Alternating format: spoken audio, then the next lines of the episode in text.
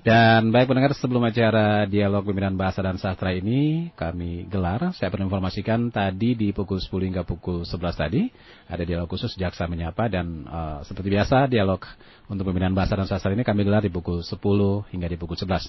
Namun ya hari ini ada sedikit uh, terjadi pergeseran waktu atau pertukaran waktu. Kami mohon maaf dan mohon dimaklumi. Semuanya itu juga untuk kepentingan pendengar. Dan saatnya kita gelar dialog Pembinaan Bahasa dan Sastra untuk edisi hari ini Rabu 11 Maret 2020.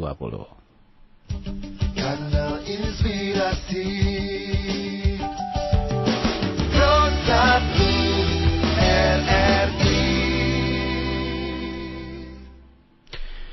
Baik pendengar, hari ini kita membahas tentang budaya literasi cerdaskan generasi. Pendengar, sekali lagi, Hari ini untuk siaran pembinaan bahasa dan sastra yaitu membahas tentang budaya literasi cerdaskan generasi. Sudah ada di Studio Pro 1 untuk siang ini. Ya, walaupun uh, jamnya agak jam hari ini diundurkan tetapi tetap semangat untuk tidak menutup antusiasnya untuk hadir mengisi acara ini pendengar. Dan narasumber kita ya ini uh, Sarodun Ulfa SS. Ya, Mohon maaf kalau saya pengucapan namanya salah ya.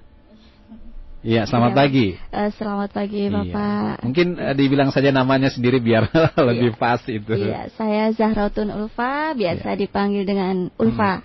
Hmm. Zahrautun Ulfa, nama panggilan atau akrabnya iya. dipanggil Mbak Ulfa iya, ya. Betul. Oke, Mbak Ulfa. Hmm. Asli mana nih? Ambon, Jawa atau mana? Jawa. Oh, Jawa.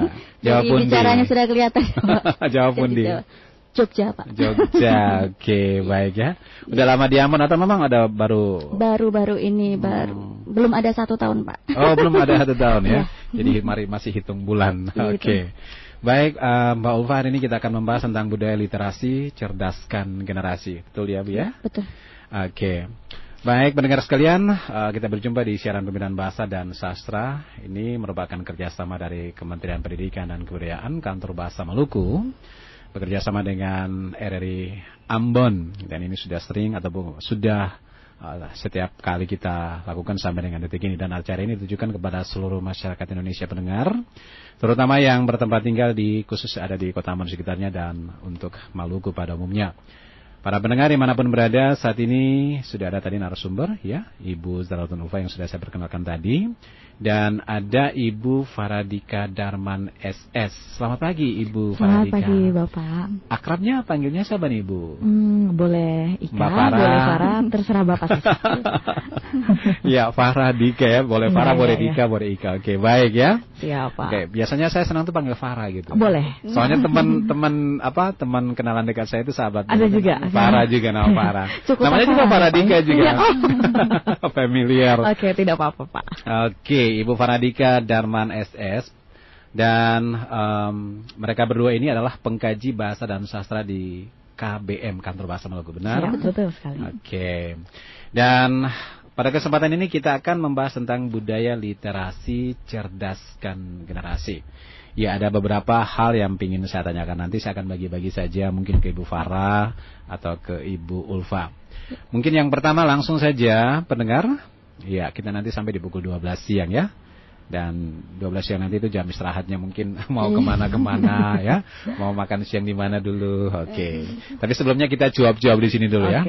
Yang pertama nanti saya mau arahkan ke siapa nih? Apa yang dimaksud dengan budaya literasi? Kan uh, saya ke Ibu Farah dulu pertama atau mungkin ke Ibu Ulfa. Siapa yang dulu nih? Ibu Ulfa dulu. Ibu Ulfa dulu. Ya. Baik Ibu Ulfa, apa yang dimaksud dengan budaya literasi? Ya, baik Pak. Tentu hmm. sebelum kita melanjutkan topik yang lebih iya. jauh lagi, kita harus okay. tahu dulu sebenarnya apa itu literasi dan sebenarnya banyak pengertian literasi yang bisa kita ambil sebagai rujukan. Nah, salah satunya kita bisa ambil dari satu uh, ahli uh, seorang ahli bahasa. Iya. Literasi merupakan suatu kemampuan dalam diri seseorang da, terkait menulis dan membaca. Hmm.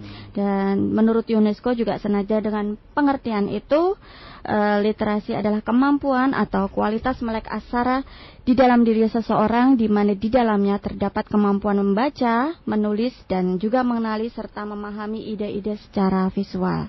Nah, dari pengertian itu kita dapat ambil kesimpulan secara sederhana bahwa budaya literasi itu adalah kebiasaan yang menitik beratkan pada kecakapan membaca dan menulis, termasuk berpikir kritis dalam hmm. menyelesaikan berbagai persoalan sehingga kita dapat berkomunikasi secara efektif dan menghasilkan beberapa keterampilan dan di situ nanti dari eh, literasi banyak keterampilan yang bisa kita dapatkan hmm. untuk mengembangkan potensi diri di dalam masyarakat. Mungkin seperti itu Pak literasi secara sederhananya. Secara sederhana. Ya, betul. saya sempat bilang ini melek bahasa ya. ya nah, ya. mungkin singkat saja secara kasar mata mungkin Ibu Ulfa melihat kalau kita di Ambon sini ya hari-hari ngomongnya dengan dialek Ambon ya. Betul. Ya, Ambon. ya, ya, saya tapi, masih belajar ini, Pak. ya. Nah, kalau untuk uh, bahasa Indonesia sendiri ketika walaupun baru baru hitung bulan di Ambon, uh, Mbak Ulfa melihat di Ambon ini orang melek bahasa itu uh, tingkatnya seperti apa di hmm. kesehariannya?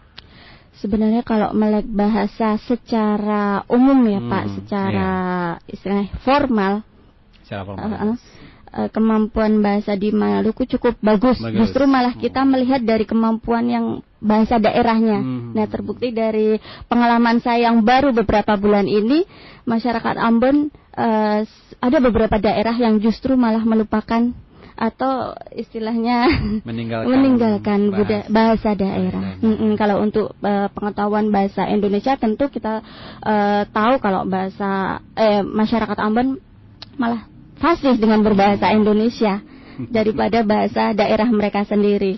Dan mereka di sini kebanyakan bahasa Melayu Ambon Melayu ya Ibu Ika ya. Betul sekali. Oke. Tapi pasti pasti ketika waktu datang di Ambon ada kaget ketika ada uh, kalimat yang disampaikan Ambon kayak semacam OC, beta, kamong itu pasti ibu iya. kaget ini apa, apa artinya? betul betul. itu harus uh, belajar kemarin tanya-tanya ke Ibu Ika teman-teman yang lain ter, uh, sangat membantu untuk ini belajar kosakata Ambon. Jadi sambil uh, ketika disapa pasti ya ada bingung ya. ya apa pasti tanya teman itu dong bilang apa pasti ya. gitu ya. Kadang hanya ini Pak angguk-angguk. Tapi makanya bingung. Ya, kan? apa, apa. Dan temponya kan agak cepat biasanya. Hmm. Kita di Ambon kan agak cepat. Ya, Beda dengan orang, orang Jawa kan pelan-pelan. Ya. Oke, tadi udah penjelasan singkat apa yang dimaksud dengan budaya literasi. Nah, selanjutnya yang ingin saya tanyakan lagi, apa saja yang menjadi keterampilan dasar dari literasi itu iya, sendiri? Iya, tentu banyak sekali hmm. uh, keterampilan yang bisa kita peroleh dari budaya literasi, tapi dari Kementerian Pendidikan sendiri menetapkan bahwa uh, mentargetkan iya. kita masyarakat Indonesia itu setidaknya harus menguasai ke, enam keterampilan hmm. literasi dasar. Nah, ke, uh, enam keterampilan tersebut di antaranya adalah literasi baca tulis, uh, yaitu tulis. kemampuan untuk memahami isi teks tertulis baik yang tersirat maupun tersirat tersurat sehingga bermanfaat untuk mengembangkan pengetahuan. Nah, uh, selanjutnya ada literasi numerasi dari kecakapan untuk menggunakan berbagai macam angka atau simbol terkait dengan matematika dasar untuk pemecahan persoal uh, masalah di kehidupan kita sehari-hari. Namun kecakapan numerasi ini berbeda dengan kecakapan e, matematika karena di dalam kecakapan numera, numerasi itu di dalamnya ada kemampuan matematika. Hmm. Jadi lebih ke aplikasi e, penggunaan kemampuan berhitung di dalam kehidupan sehari-hari. Terus ada yang nomor tiga literasi sains yaitu kecakapan memahami alam dan fenomena sosial di sekitar dengan data-data ilmiah yang dapat dipertanggungjawabkan kebenarannya. Iya. Nah dengan literasi sains sendiri kita mampu memilih informasi secara tepat dengan dasar ya biasanya dengan uh, dasarnya penelitian atau apa ya ilmiah gitu, iya. sehingga mampu membuat keputusan keputusan secara tepat. Nah yang uh, selanjutnya literasi digital yang saat ini marak eh, digunakan ya. eh, sebagian besar masyarakat di Indonesia ya terutama di kota ya Pak ya itu adalah kecakapan digital ya meng, yaitu kecakapan menggunakan media digital seperti komputer, hmm. gawe atau handphone ya. dan media sosial seperti Facebook, YouTube atau Instagram. Nah, kecakapan dalam penerapan kecakapan literasi digital kita hmm. tentunya harus uh, mempunyai etika ya Pak ya, nah, uh, apalagi saat ini banyak berita-berita hoax yang ya yang apa mengarah tentu mengarah pada perpecahan kericuhan. Hmm. Nah, itu uh, kita dari kementerian sangat menitik uh, sangat konsen untuk mengatasi hal ini hmm. untuk istilahnya kita memberikan edukasi uh, kepada masyarakat untuk lebih bijaksana dalam uh, memanfaatkan fasilitas-fasilitas yeah. digital yeah. gitu. Hmm.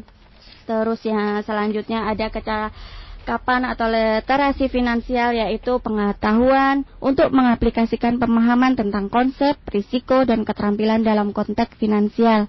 Nah, cakapan finansial ini bermanfaat untuk memilih dan memanfaatkan produk atau produk dan layanan jasa keuangan yang sesuai dengan kebutuhan. Misalnya kita harus jeli melihat peluang usaha apa yang bisa kita lakukan di eh, kemudian hari hmm. termasuk memilih produk asuransi, produk perbankan yang bermanfaat untuk kehidupan kita. Dan yang terakhir literasi budaya dan kewargaan yaitu kemampuan dalam memahami dan bersikap terhadap budaya Indonesia sebagai identitas bangsa. Nah, kalau di Jawa ini ada wayang, ada ya uh, tari sentra tari hmm. uh, kalau di Maluku ada lebih banyak lagi banyak ya Nah, uh, ada cakalele mungkin ya pukul sapu ya panas bela nah itu tentunya masyarakat Maluku sudah lebih paham untuk budaya-budaya di Maluku. Okay. itu mungkin kecakap yang ah, jadi ada enam keterampilan ya yang iya. menjadi dasar literasi. betul, betul, iya. saya catat tadi ada iya. baca tulis kemudian numerasi, numerasi ya finansial ya. Hmm. Dari dari sedikit saja dari keterampilan enam dasar keterampilan ini uh, Mbak Ulfa melihat di Kota Ambon dan Maluku pada umumnya apakah uh, apa penilaiannya seperti apakah memang sudah memenuhi syarat atau standar atau mungkin di, dibenahi lagi atau mungkin masih kurang seperti itu? Iya uh, tentu uh, selain ada kelebihan ada kekurangan ada juga ya Pak. betul ya. uh, dari pengamatan saya baru-baru hmm. ini ya di Ambon dan dari data yang saya peroleh kecakapan literasi di masyarakat Ambon masih tergolong cukup rendah. Nah itu saya peroleh hmm. data-datanya dan melihat secara langsung uh, uh, dari pengamatan sekilas itu uh, kalau sebenarnya dari minat baca masyarakat tuh ada sebenarnya, hmm. cuma hmm. dari fasilitas-fasilitas yang mendukung untuk membaca itu yang dirasa masih kurang. Iya, misalnya buku-buku bacaan yang menarik untuk ya setidaknya yang sesuai dengan tingkatan usia itu masih kurang. Tapi dari semangatnya atau minat baca tuh sebenarnya kalau saya melihat masih ada uh, contohnya kemarin saya baru di Mausuane ya bersama Ibu ya, Ika ya. Itu sebenarnya mereka sangat bersemangat untuk mengembangkan diri, untuk belajar, hmm. untuk membaca. Cuma karena akses atau jalur transportasi yang mereka sulit. ya sulit hmm. itu uh, mereka terkendala dengan itu. Hmm. Jadi akses-akses fasilitas yang maksudnya yang bisa masuk ke daerah itu sangat terbatas dan akibatnya ya hmm. ya buku-buku bacaan yeah. atau materi ajaran. Pausuan ini ya salah ini. satu suku ya, terasi, terasi ya. Pulau Seram baru-baru yang mencuat juga ya permasalahan betul. yang ada di sana. Iya. Ya. Uh, terkait yang tadi dikatakan uh, apalagi sekarang uh, di sini ada juga sebutkan uh, digital. Sekarang kan zamannya era digital. Iya. Iya, tadi dibilang ada kok kurang apa masyarakat kurang banyak membaca tapi digital uh, kemajuannya lebih besar di sini banyak bisa menjadi apa masyarakat bisa memanfaatkan digital itu Betul. untuk lebih banyak membaca informasi ya tapi kelihatannya masih kurang di situ juga ya atau seperti apa kalau bila disinkronkan dengan digital. Ya, mungkin Ibu. Mungkin okay. Ibu Farah bisa tambahkan. Sedikit ya Pak ya. Silakan. Okay. Uh, kalau dari literasi digital, hmm. digital ya Pak, bukan digital. Oh, digital. English English digital. kalau ya, Indonesia kan digital. Digital, oke. Okay. Apa yang ditulis uh, itu yang dibaca. Uh, oke okay, baik. Uh, kalau literasi digital sebenarnya tidak hanya di Maluku ya, hmm. tapi di sebagian besar hmm. uh, daerah di Indonesia yeah. yang sudah tersentuh internet hmm. itu uh, masyarakatnya sudah melek atau sudah sangat paham Pasti untuk uh, dunia digital. Namun uh, ada sedikit masalah di sini. Jadi uh, biasanya kan orang bilang uh, di sisi lain memang kemajuan, tapi hmm, juga di hmm, sisi hmm. lain ada kemunduran atau bukan kemunduran sebenarnya, tapi belum belum pahamnya, yeah. belum belum paham seutuhnya hmm. bagaimana cara-cara uh, yang baik menggunakan internet ini atau bermedia sosial. Hmm. Dalam hal ini kita berbicara tentang digital yes. tadi itu, Pak. Nah, ini saya titik beratkan di penggunaan bahasanya. Hmm. Kemudian bagaimana cara masyarakat ketika bermedia sosial bisa menangkal berita-berita bohong Hmm. atau berita hoax itu. Jadi kalau dalam bahasa Inggris kan hoax, tapi bahasa. Indonesia hoax. Hoax. Iya. Tulisnya hoax. Jadi Hoax. ah, ah, Gitu. betul sekali. Jadi kita selia- sekalian Ah. ini ya Pak ya penyuluhan Oke, baik, baik. bahasa Indonesia.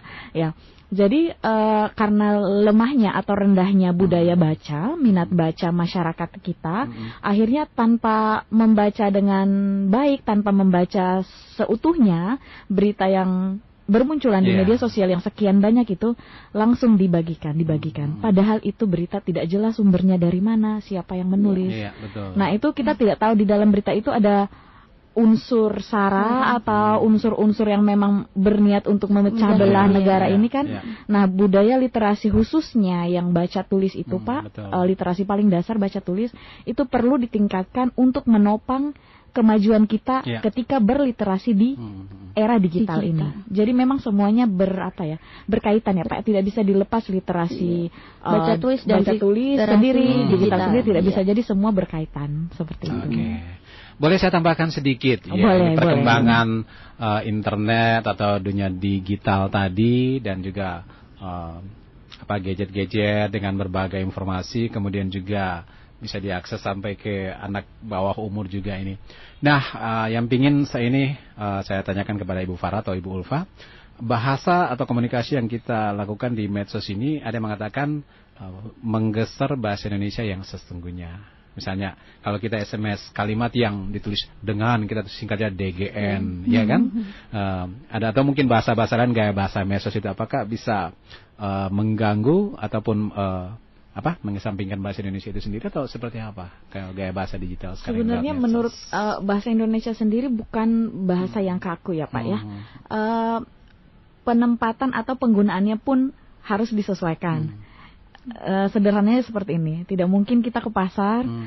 ketemu dengan tanta-tanta di pasar, terus kita menggunakan bahasa Indonesia. Formal ya. Mama, berapakah ikan ini? Hmm. Mama, saya mau membeli ikan. Juga tidak mungkin Iya. seperti itu. Jadi eh, ada istilahnya penggunaan bahasa Hmm. Indonesia yang baik dan, Dan benar. benar Jadi yang baik itu yang sesuai dengan Konteks, Konteks. pemakaian ya. ketika kita ada di mana, lawan bicara kita siapa, kita sesuaikan bahasanya. jadi sesuai dengan situasi kondisi Betul kita. sekali. Ya. Itu bahasa Indonesia yang baik. Makanya ada ranah formal dan Hmm. informal. Informal, Iya. nah itu. Mm. Nah, ketika bermedia sosial tentunya kita menemui atau berhadapan dengan berbagai Hmm. Eh, lapisan masyarakat Ya, atau teman betul, atau orang betul. ya, Pak ya. Hmm. Tidak mungkin kalau teman sejawat saya mau ke rumahmu. Jadinya agak kaku, Pak. Eh, tujuan berbahasa jadinya tidak tidak sampai. Maksudnya Hmm. kita berbahasa agar orang lain pahami. Iya. Bahasa menggunakan bahasa yang komunikatif yang bisa dipahami. Nah, ketika kita berbahasa Indonesia yang benar tetapi tidak baik atau tidak sesuai dengan konteks, Hmm. tidak sesuai dengan situasi, Hmm. juga jadinya aneh menurut kami. Jadinya aneh. Nah, jadi kalau ada yang bilang bahasa di media sosial itu menggeser, Hmm. eh, saya kurang setuju karena memang eh, Sudah ketika kita tempat menempat, tersendiri ya, ya. ketika kita Hmm. menggunakan sesuai tempat itu memang eh, tidak akan menggeser karena memang punya ranah, punya situasi atau dalam kondisi tertentu memang kita harus berbahasa yang Iya, seadanya, berbahasa Melayu Ambon, berbahasa daerah misalnya, seperti itu Pak. Jadi kalau yang mau pakai bahasa medsos ya khusus orang-orang medsos saja ya. Iya itu Jadi nggak bisa campur lagi ke tempat lain Betul gitu. sekali. Ketika dia menghadapi di situasi yang berbeda, Iya, tidak mungkin bahasa medsos digunakan Betul. di sana. Dia harus gunakan Betul. yang bahasa yang formal. Betul sekali. Oke, baik. I understand sekarang. I understand. Oke oke oke. Baik, kita ke uh, pertanyaan yang selanjutnya. Dari tadi sudah sebutkan ada Ya, enam ya. keterampilan ya. Gitu. Dari keenam keterampilan dasar intera- uh, literasi, keterampilan mana yang paling penting untuk dikembangkan? Iya. Menurut saya semuanya penting ya, penting. tapi harus ada skala prioritas Hmm. mana yang paling yang Utama. lebih dulu Hmm. ya paling yang utama yang harus dikembangkan sebagai kecakapan awal. hmm. Nah menurut saya prioritas pertama yaitu literasi dasar baca tulis. Baca saya. tulis. Iya. Kemampuan baca tulis merupakan kunci dalam mempelajari segala bidang ilmu pengetahuan. Dari kecakapan itu turut pula meningkatkan kreativitas dan imajinasi termasuk dapat memperkaya kosakata baru dalam berbagai bidang ilmu. Nah, dengan demikian ya. pengusahaan keterampilan baca tulis yang dapat dapat menjadi awal meningkatnya keterampilan literasi dasar yang lainnya seperti yang numerasi, sains, uh, digital, finansial serta budaya tadi, Pak. Nah, salah satu cara mengembangkan iya. uh, baca tulis yang paling sederhana di tingkat keluarga, Pak, menurut uh, budaya baca tulis dapat dibangun di ranah keluarga hmm. dan menurut saya keluarga adalah fondasi yang paling awal untuk membangun minat baca tulis seorang anak. Nah, hal yang paling mudah bisa dilakukan dari kebiasaan kita membacakan buku cerita hmm. kepada anak di sebagai pengantar tidur. Nah, itu langkah-langkah yang paling sederhana, yang paling utama yang bisa kita lakukan dari awal. Nah, selanjutnya nanti kan dari kebiasaan yang kecil itu bisa dikembangkan hmm. lagi ketika dia sudah dewasa, dewasa. dan iya, dia bisa ber, eh, ber, dalam berbaur di masyarakat. Oke, okay. dari enam hmm. yang paling utama dari iya keterampilan ya. baca tulis. Baca tulis. Iya. Ya dulu-dulu kalau saya sekolah masih SD itu, ya sekolah itu yang penting tahu baca tahu tulis saya cukup. Tapi iya. sekarang seiring perkembangan zaman iya. harus banyak lagi yang hmm. bisa dikuasai. Iya di, di under-under tahun 90 di bawah-bawah tahun 90 itu pendapat-pendapat itu atau opini seperti itu saya sekolah yang penting tahu baca dan tahu tulis, tahu hitung saya cukup. cukup. Selebihnya saya nggak salah ya, penting tahu baca tulis dan hitung saja. tahu huruf, tahu angka, tahu jumlah kurang tambah bagi, ah, selesai. Selesai. Saya nggak naik ke perguruan tinggi lah ya. iya, Oke, okay. iya, baik. Memang baca dan tulis itu uh, penting ya. Betul uh, sekali. Kalau tidak tahu baca ya, bagaimana kalau diseluruhkan? Ya, yang penting kita mengenal huruf dulu. Iya, iya. Pertama. Selanjutnya, Kira-kira apa yang menjadi upaya pemerintah terkait dengan upaya meningkatkan budaya literasi ini? Ya, Ibu sebenarnya pemerintah sudah lama hmm. melakukan peningkatan budaya literasi dari awalnya hmm. pembebasan dari buta aksara. Okay. Nah, itu sudah dilakukan dan sekarang pemerintah sedang giat-giatnya melakukan uh, gerakan literasi nasional yang sebenarnya sudah dirancang dari tahun 2016. Hmm. Nah, gerakan literasi nasional ini saat ini diemban oleh uh, Badan ba Pengembangan dan Pembinaan Bahasa dari Kementerian Pendidikan dan Kebudayaan. Nah, dari Gerakan Literasi Nasional hmm. ini terdapat tiga program yeah. utama yaitu Gerakan Literasi Nasional di ranah keluarga, hmm. uh, kemudian ranah masyarakat dan di, di tingkat sekolah. Nah, dalam ranah keluarga, Gerakan Literasi Nasional mencanangkan program penyediaan bahan bacaan keluarga berupa buku cerita yang dapat dijadikan sumber bacaan di dalam keluarga terutama di anak e, di kala, di usia dini ya, Pak. Iya. Dan di tahun 2017 ada program dari Kementerian Pusat yang menugaskan ke seluruh UPT atau kantor bahasa di seluruh Indonesia menggerakkan untuk penulisan cerita rakyat sebagai bahan bacaan dari usia SD sampai SMP begitu ya Ibu Ika? Betul sekali. Nah, dan selanjutnya di dalam ranah masyarakat gerakan literasi nasional pemerintah mengupayakan pengadaan taman bacaan masyarakat dan mereka e, di tahun 2019 ini jumlah taman baca di Indonesia yang terdaftar kurang lebih sekitar 3.722 uh, di provinsi Maluku ber, uh, yang saya baca uh, kurang lebih ada 198 nah itu ini cukup banyak cukup ya. banyak nah, dan selanjutnya untuk gerakan literasi sekolah uh, pemerintah me, ini menyasarkan pada tingkat sekolah dasar sampai menengah. Banyak program banyak, yang uh, dicanangkan uh, oleh pemerintah. Uh, salah satunya ada pembiasaan bagi siswa sekolah hmm. uh, sebelum memulai aktivitas belajar mereka diwajibkan untuk membaca bahan bacaan apa uh, terkait materi pelajaran atau bisa cerita-cerita uh, cerita itu selama 15 menit hmm. sebelum memulai kegiatan belajar mengajar. Nah, semoga ini sudah diterapkan uh, di sekolah-sekolah terutama di Maluku. Nah, ada juga program uh, pengajaran wirausaha bagi anak-anak usia yeah, iya. sekolah atau istilah kerennya sekarang uh, market day uh, biasanya itu uh, sekolah melakukan uh, ada program siswa-siswa diminta untuk membawa uh, untuk membuat makanan-makanan ya Pak, makanan kuliner kuliner hmm. untuk di jual kembali kepada siswa yang ada di sekolah. Itu mengajarkan uh, literasi berhitung. Biasanya seperti itu. Ada program oh. seperti itu ya. Bu Ika menambahkan lagi ada program lainnya hmm. mungkin. Mungkin untuk yang masyarakat Pak selain TBM, hmm. uh, Kementerian Pendidikan juga fokus ke pengembangan komunitas, komunitas. terutama komunitas baca. Hmm. Nah di Maluku sendiri su sudah cukup uh, baik, baik, sudah cukup bagus menurut kami dari 2016 yang ketika itu masih sulit yeah. kami menemukan komunitas hmm. ketika membuat kegiatan atau program tetapi seiring berkembangnya zaman semakin ke sini semakin banyak komunitas-komunitas iya. anak-anak yeah. muda mahasiswa yang berperan aktif uh, membuka lapak-lapak baca, hmm. menyediakan rumah baca yang mungkin seadanya tapi menurut kami cukup uh, berdampak pada anak-anak di lingkungan yang memang sebelumnya hmm. tidak tersedia sama sekali pak okay. uh, ruang-ruang publik yang uh, menyediakan hmm. uh, taman baca taman atau ruang baca anak. Jadi sudah uh, kalau perkembangan di Maluku sendiri untuk yang di masyarakat itu sudah cukup baik menurut kami.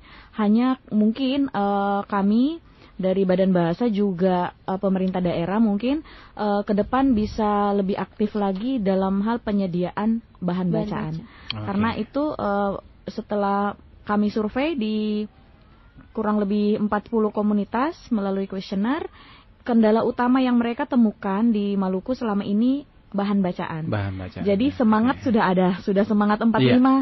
sudah menyediakan uh, perpustakaan hmm. mini atau pojok-pojok baca di masyarakat. Hmm. hmm, hmm. Tetapi hanya sekian buah buku yang ada. Okay, Jadi okay, okay. ketika satu anak dia sudah datang hari ini membaca buku A, datang besok membaca buku B, hmm. datang hari ketiga sudah tidak ada buku, dia tidak mungkin membaca buku yang sama. Iya, iya, Pasti iya. anak akan mencari buku yang berbeda. buku yang berbeda. Nah, itu kendalanya. Jadi masih hmm. kurang sekali bahan bacaan yang tersebar Berarti kita punya perpustakaan bagaimana nih, Ibu Farah? Uh, Keberadaan perpustakaan di Ambon Maluku. Perpustakaan men, uh, kami juga belum belum terlalu banyak hmm. uh, bersinergi, paling yeah. hanya bertukar buku. Jadi hmm. bahan bacaan yang kami terbitkan kami salurkan ke sana. Juga ada beberapa bahan bacaan dari hmm. sana yang bisa kami minta dan kembangkan lagi. Mungkin di fotokopi atau iya. diperbanyak. Mungkin ke depan kerjasamanya iya, iya, ini betul, lagi gitu. lebih bersinergi. Iya. Maksudnya gini tadi kan ada, ada banyak komunitas yang buka-buka eh, ke apa perpustakaan mini atau lapak-lapak baca. Sementara eh, perpustakaan seperti perpustakaan daerah atau oh, ya, yang iya, ada betul. di sini juga. Kira-kira apa perlu ditambah lagi, dibangun fasilitas yang baru atau bagaimana? Iya, Udah saya cukup kira perlu. Hmm. Um, kami pernah mengikuti diskusi dengan duta baca oh, okay. uh, kakak Stanley Ferdinandus di IAKN Ambon. Nah di situ uh, saya bisa simpulkan sedikit uh, sebenarnya titik atau hambatan utama meningkatkan budaya ini kan hmm. bukan bukan saja ke masyarakatnya, hmm. tetapi bagaimana pemerintah mendukung itu. Nah uh, satu hal yang yang belum maksimal yang dilakukan di Maluku itu penyediaan ruang ramah baca di publik. Ramah baca di publik. Jadi uh, mungkin kalau kita bandingkan dengan di Jawa di beberapa hmm. daerah itu di ruang-ruang publik saya contohkan mungkin di lapangan Merdeka. Iya. Ada uh, pojok-pojok baca atau perpustakaan mini yang disiapkan. Hmm. Jadi di mana ruang-ruang yang ramai didatangi masyarakat itu disediakan ruang-ruang baca. Hmm. Nah, mungkin itu yang perlu kami selaku hmm. um, lembaga yang bertanggung jawab untuk masalah literasi ini bisa bersama dengan perpustakaan, hmm. bisa bersama dengan pemerintah daerah menyediakan ya. itu, mengupayakan itu. Pusat keramaian, pusat aktivitas, iya. ya di kantor-kantor instansi pemerintah juga betul, boleh betul. diupayakan demikian ya setidaknya di koridor pintu masuk betul. ketika ada tamu yang datang berkunjung eh ada itu semacam betul. apa kecil ini koran ke apa ke majalah ke Betul hari ini kan? Itu juga penting. Baik. Baik Ibu Farah juga Ibu Ulfa sebelum kita lanjut bincang-bincang kita untuk beberapa pertanyaan tersisa nikmati dulu ya sesuatu yang sudah tersedia lewat musik yang kami hadirkan. Baik pendengar kita kembali nanti untuk program siaran pembinaan bahasa dan sastra ini hingga tuntas nanti di pukul 12 waktu Indonesia Timur.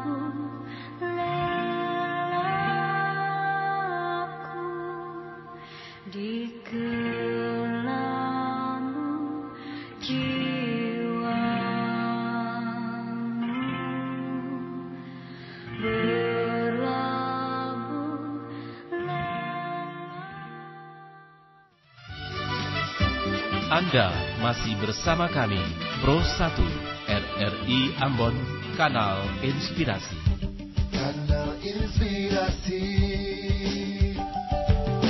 Pro 1 RRI.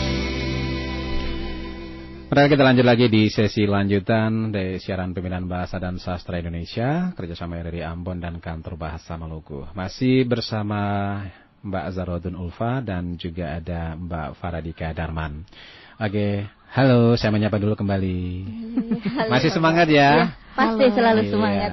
Saya mau tanya powernya dulu, powernya untuk uh, untuk berjawab lagi nih masih ada ya. Mudah-mudahan jarum powernya nggak menurun ya. Harus dong, Pak. Oke. Kita akan lanjutkan dengan beberapa pertanyaan tapi sedikit sedikit saja mungkin ulasan singkat. Ya, kemarin-kemarin sempat ke suku Terasi Mausuane ya. Apa yang dilihat di situ? Apa yang diketahui atau apa yang didapati di sana? Singkat saja nggak usah terlalu panjang. Saya sendiri sebagai yang baru Hmm. tiba di Maluku sa- sangat bersyukur ketika Hmm. saya sampai di daerah Mausuane. Hmm.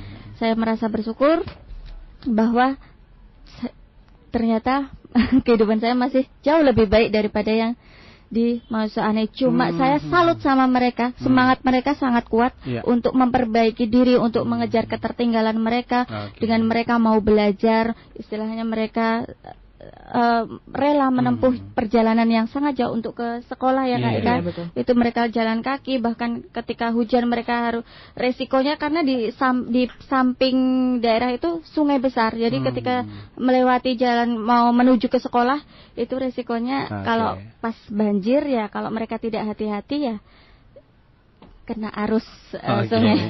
Iya, jadi selama ini, eh, eh, saya sa- salutnya semangat mereka. Nah, itu ini eh, biar harus eh, gimana ya Pak harus ada timbal balik dari pemerintah Hmm, juga ketika melihat ekstra, iya ya. masyarakatnya sangat bersemangat tapi pemerintahnya tidak ada upaya untuk Hmm, melakukan pe- mas eh, upaya untuk memajukan daerah Iya, itu kan betul. sama aja Hmm. kasihan mereka. Jadi Jadi yang pertama-tama upaya, upaya, untuk hmm, uh, bikin mereka lebih bisa nyata melek dulu iya, ya. melek. Mm-mm. Baca tulis, Baca mengenal angka-angka. Ya, oke, baik. Kita kembali ke uh, topik kita itu ya, budaya literasi, ceraskan generasi. Selanjutnya pertanyaan yang ingin saya tanyakan ini, bagaimanakah budaya literasi di Provinsi Maluku? Ya. Yang Anda Betul. ketahui Ya, sebelum berbicara budaya literasi di Maluku, Hmm. tentu kita harus melihat budaya literasi secara, nasional. nasional, supaya lebih komprehensif ya Pak. Dan Iya. salah satu rujukan yang bisa dijadikan patokan adalah penelitian dari PISA kemarin Hmm. Pak. Nah di Indonesia sendiri kita masih menduduki peringkat eh, 72 dari 78 negara yang ikut serta dari eh, penelitian tersebut. Nah, Hmm. itu penelitian dilakukan setiap tiga tahun sekali. Nah, kemarin di- dilakukan pada tahun 2018. Nah, Indonesia masih di peringkat 72. Hmm. Nah, dengan skor 371, padahal rata-rata secara umum itu ada 487. Nah, itu harusnya pemerintah cukup eh, harusnya cukup konsen untuk mengatasi hal ini ya, Pak ya. Hmm. Nah, dari penelitian itu ada pen- penelitian yang lain dilakukan oleh pemerintah. Nah, itu untuk melihat kondisi di setiap provinsi yang Hmm. ada di Indonesia. Nah, penelitian itu menghasilkan eh, indeks yaitu Hmm. Alibaca. Nah, di situ bisa terlihat di prov- setiap provinsi itu ada di peringkat mana. Iya. Nah, di Alibaca ini bertujuan untuk mengukur tingkat aktivitas literasi anak usia di sekolah setiap daerah, baik dari segi minat baca maupun sarana penunjang aktivitas literasi. Dari penelitian itu di Maluku untuk pem- pemenuhan bacaan bahan bacaan seperti yang tadi disampaikan Ibu Ika eh, di Maluku masih tergolong cukup rendah. Nah, ini di Maluku eh, menduduki peringkat 20 dari 33 provinsi yang ada di Indonesia. Dan selanjutnya dari dimensi budaya yang merepresentasikan kebiasaan masyarakat dalam memanfaatkan surat kabar atau media elektronik termasuk pemanfaatan perpustakaan atau taman bacaan Maluku di posisi 22 dari 33 provinsi di Iya. Indonesia untuk penggunaan perangkat elektronik seperti gawai atau komputer sebagai sumber literasi Maluku masih menduduki dua ke 29 29, dari 33. Nah, 34. bia- karena biasanya masyarakat masih menggunakan gawe untuk sekedar bermain ya. untuk update status mungkin ya, tapi tidak digunakan untuk eh, mencari informasi. Oke, ya. lebih banyak Namun untuk- ini ada satu yang Iya, membanggakan iya, iya, dari iya. Provinsi Maluku eh, terutama dalam hal eh, pemberantasan buta aksara di Provinsi Maluku menduduki peringkat ketiga setelah DKI Jakarta dan Kepulauan Riau. Nah, ini perlu kita apresiasi usaha pemerintah untuk eh, membebaskan masyarakat dari buta aksara. Nah, Mm. tindakan selanjutnya bagaimana peran kantor bahasa Maluku ini nih dalam upaya lebih Nah. meningkatkan lagi budaya literasi. Iya. Intinya ya. Intinya. Ini yang Kantor paling Bahasa. Maluku setiap tahun selalu ada program eh, terkait Literasi. literasi. Nah, eh, program-program itu di antaranya ada gebiar literasi, kegiatan lomba bertutur cerita rakyat. Nah, Lomba kemarin bertutur dilak- cerita. iya, dilakukan di daerah Di mana? Men- Saluk eh, Saleman di Pulau Haruku dan Oirata. Saleman, dia- Haruku dan Oira. Oirata. Nah, ini 2000 disasarkan di Hmm. 2018 dan 2019. 2019. Hmm. Ya, itu disasarkan di untuk anak usia sekolah. Mereka mengikuti lomba bertutur cerita rakyat. Nah, selain untuk budaya literasi, ini juga Hmm. sarana pemertahanan bahasa daerah untuk masyarakat tersebut.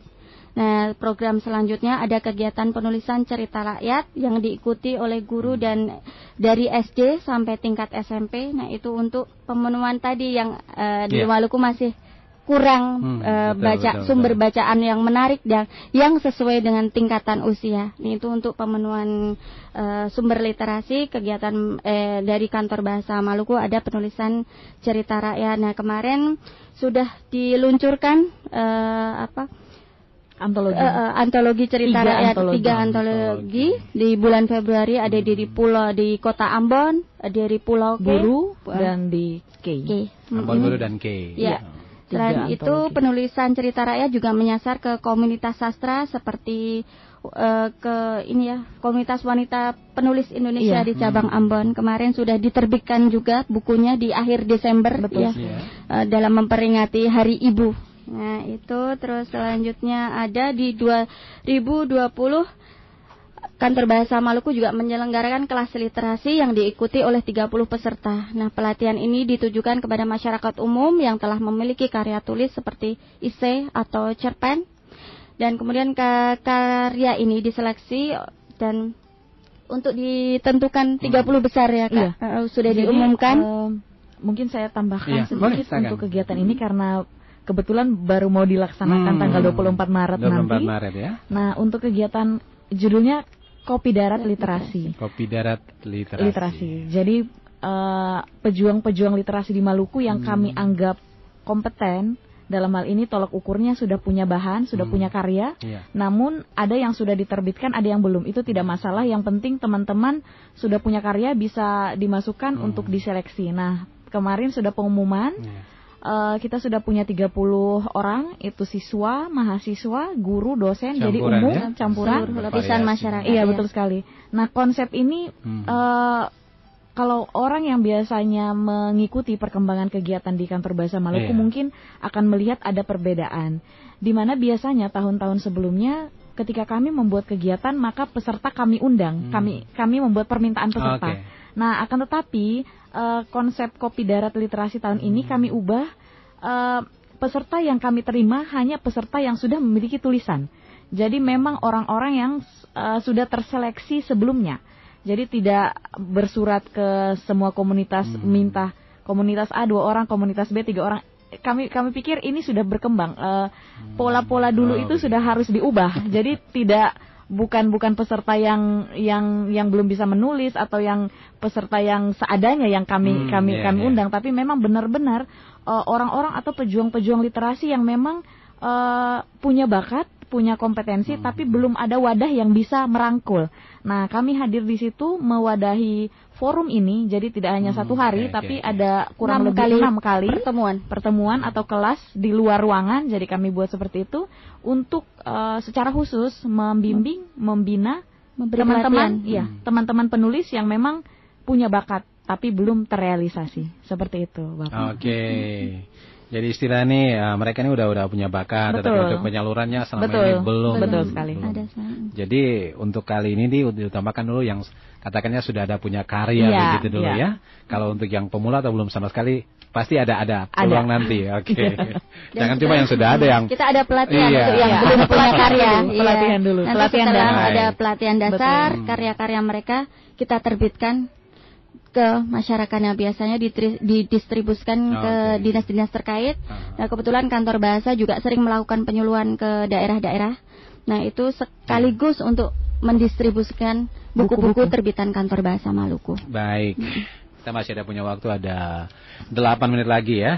Saya ingin bertanya lagi ya, tidak apa-apa ya? Boleh, boleh, Oke. boleh, Pak. Nah, dalam melaksanakan sesuatu itu tentunya ada kemudahan, orang bilang ada gampang dan ada susah-susahnya ya. Nah, ini kira-kira kalau untuk yang ini apa menjadi tantangan atau hambatan di Provinsi Maluku bagi Ya. kantor bahasa Maluku dalam uh, meningkatkan budaya literasi. Jadi apa yang menjadi kendala atau hambatan Iya. dalam meningkatkan Ya, tentu literasi? kita tahu wilayah Maluku terdiri dari beberapa Hmm. kepulauan dan aksesnya sangat dari satu kota ke kota lain sangat berbeda. Iya. Nah, itu menjadi salah satu tantangan tersendiri dalam upaya peningkatan literasi. Iya. Nah, dalam misal eh, misalnya dalam satu daerah memiliki masyarakat yang semangat literasinya tinggi namun Iya. fasilitas kurang men- memenuhi. Nah, itu kita ada apa cara-cara tersendiri untuk Hmm. mengatasinya. Nah, itulah salah satu tantangan dari kantor bahasa Maluku bagaimana untuk mengatasi eh, atau meningkatkan budaya literasi yang ada. Hmm. Terus kemudian minat baca di ranah keluarga. Nah, itu kita harus upayakan kembali, kita memberikan edukasi kembali Iya. agar eh, setidaknya ada kesadaran dari setiap keluarga yang ada di Maluku untuk menumbuhkan Iya. minat baca yang ada di dalam anggota keluarga tersebut. Nah, hambatan lain tentu tadi sudah Hmm. dibicarakan sebelumnya kurangnya ketersediaan fasilitas bahan baca, bacaan. Ya, betul. Nah, seperti kurangnya bahan bacaan yang sesuai dengan tingkat usia. Nah, untuk itulah kantor bahasa Maluku bekerja sama dengan para pemangku kepentingan seperti guru Iya. dengan diberikan pelatihan untuk menghasilkan karya-karya yang bisa dijadikan sumber bacaan, sumber referensi, terutama di kalangan anak sekolah sampai menengah. Oke. Mm. Selain tadi jelaskan, kira-kira ada nggak kendala di anggaran? Nah, Kalau di Biasanya kalau orang mau bikin sesuatu tanya, ada anggaran tidak nih? Gitu ya. Ya, Sebenarnya- ingin tahu saja. Sebenarnya sih kami tidak berwenang di situ yang menjawab soal Hmm. anggaran, tapi Oke. secara eh, pengamatan pribadi saya eh, dengan luasnya provinsi Maluku, terbatasnya eh, daerah eh, kepulauan ini, eh, mungkin hambatannya pada penyaluran saja mungkin ya, Iya. penyaluran eh, bahan bacaan. Hmm. Seperti Baik. kita tahu kan eh, kirim mengirim buku itu tidak mudah. Memang kami sudah mengupayakan untuk penerbitan. Sudah Iya. cukup eh, cukup banyak menurut kami untuk terbitan bahan bacaan seperti cerita rakyat sesuai tingkatan Hmm. usia tadi seperti Ibu Ulfa Betul. bilang. Cuman eh, kami masih mengupayakan agar teman-teman di semua pelosok di daerah-daerah di Maluku bisa mendapat bahan bacaan itu. Tentunya eh, melalui bantuan pemerintah daerah setempat juga eh, teman-teman pejuang di komunitas baca atau komunitas sastra di daerah seperti itu, Bapak. mungkin ke depannya ini ya kita harus tingkatkan lagi sinergi dari Iya, betul. kantor bahasa Maluku dan pemerintah daerah Hmm, supaya betul, betul. kita Ya. lebih merata lagi Betul. untuk Penyaluran eh, atau eh, penyalur- distribusi distribusi buku-buku tadi. bukunya Mm-mm. termasuk kegiatan pelatihan-pelatihan tadi bisa lebih meluas lagi Betul. Mm-mm. lancar berkembang Betul. ya. Oke. Berselancar. Iya, dari tadi kita sudah banyak berbicara, mengulas, saya bertanya, Ibu Farah dan juga Ibu Ulfa menjawab. Dan mungkin di sisa 4 atau 5 menit terakhir ini kira-kira kesimpulan apa yang dapat disampaikan terkait apa yang kita bicarakan hari ini? Atau mungkin ada pesan yang uh, himbauan, pesan atau himbauan yang ingin disampaikan sebelum kita akhiri acara ini? Atau berikanlah kesimpulan mungkin dari Ibu Iya. Farah dulu, eh Ibu Ulfa dulu. Ya, terima kasih. Sebagai penutup dalam acara siang ini. Hmm. Budaya literasi adalah jembatan untuk membuka cakrawala diri dan dengan literasi kita mampu mengembangkan berbagai kecakapan yang turut berpengaruh pada tingkat kecerdasan diri. Hambatan yang ada henda- hendaknya bukanlah menjadi suatu persoalan, apalagi jika semua pihak turut mendukung kegiatan literasi menjadi sebuah budaya. Langkah nyata yang bisa dilakukan dimulai dari keluarga yang yang mewajibkan literasi menjadi sebuah budaya. Kemudian pemerintah yang berkomitmen penuh menyedi- menyediakan sarana dan prasarana sebagai penunjang literasi serta yang terpenting adalah tekad dari diri kita sendiri untuk mencerdaskan diri, untuk mengembangkan diri melalui budaya literasi. Gitu. Bu Farah mau tambahkan? Saya kira cukup. Cukup ya. Jadi yang dijelaskan Ibu Ulfa tadi terakhir kesimpulan tadi lengkap ya. Sangat Oke. lengkap. Sangat dari lengkap. keluarga, dari Perfect dalam ya. diri, termasuk dari pemerintah harus Hmm. lebih meningkatkan lagi kegiatan-kegiatan terkait dengan Iya. literasi. Tadi ketika di pertanyaan keempat itu em, upaya pemerintah terkait dengan upaya meningkatkan budaya literasi. Jadi saya mengambil kesimpulan ini semuanya start start point atau berawal dari keluarga, Keluarga. ya. Mm-mm. Keluarga. Kita dari keluarga dulu setelah eh, kembang, kemudian kita ke tengah-tengah masyarakat, masyarakat. kemudiah kita ke apa tadi? Pemerintah Sekolah. juga, sekolah, iya harus ya. bersinergi juga Oke. untuk terkait dengan pemenuhan fasilitas-fasilitas tadi yang dirasa masih kurang di Maluku. Komunikasi berbahasa ini biasanya di awal dari keluarga dulu dari Betul, kecil. betul, Ibu dan anak-anak dan orang tua dan sebagainya. Setelah nanti kalau sekolah baru dikembangkan Betul. lagi ya di Oke. Ya, pendengar demikian yang sudah kita perbincangkan cukup panjang lebar dan tentunya bermanfaat ya. Budaya literasi cerdaskan generasi.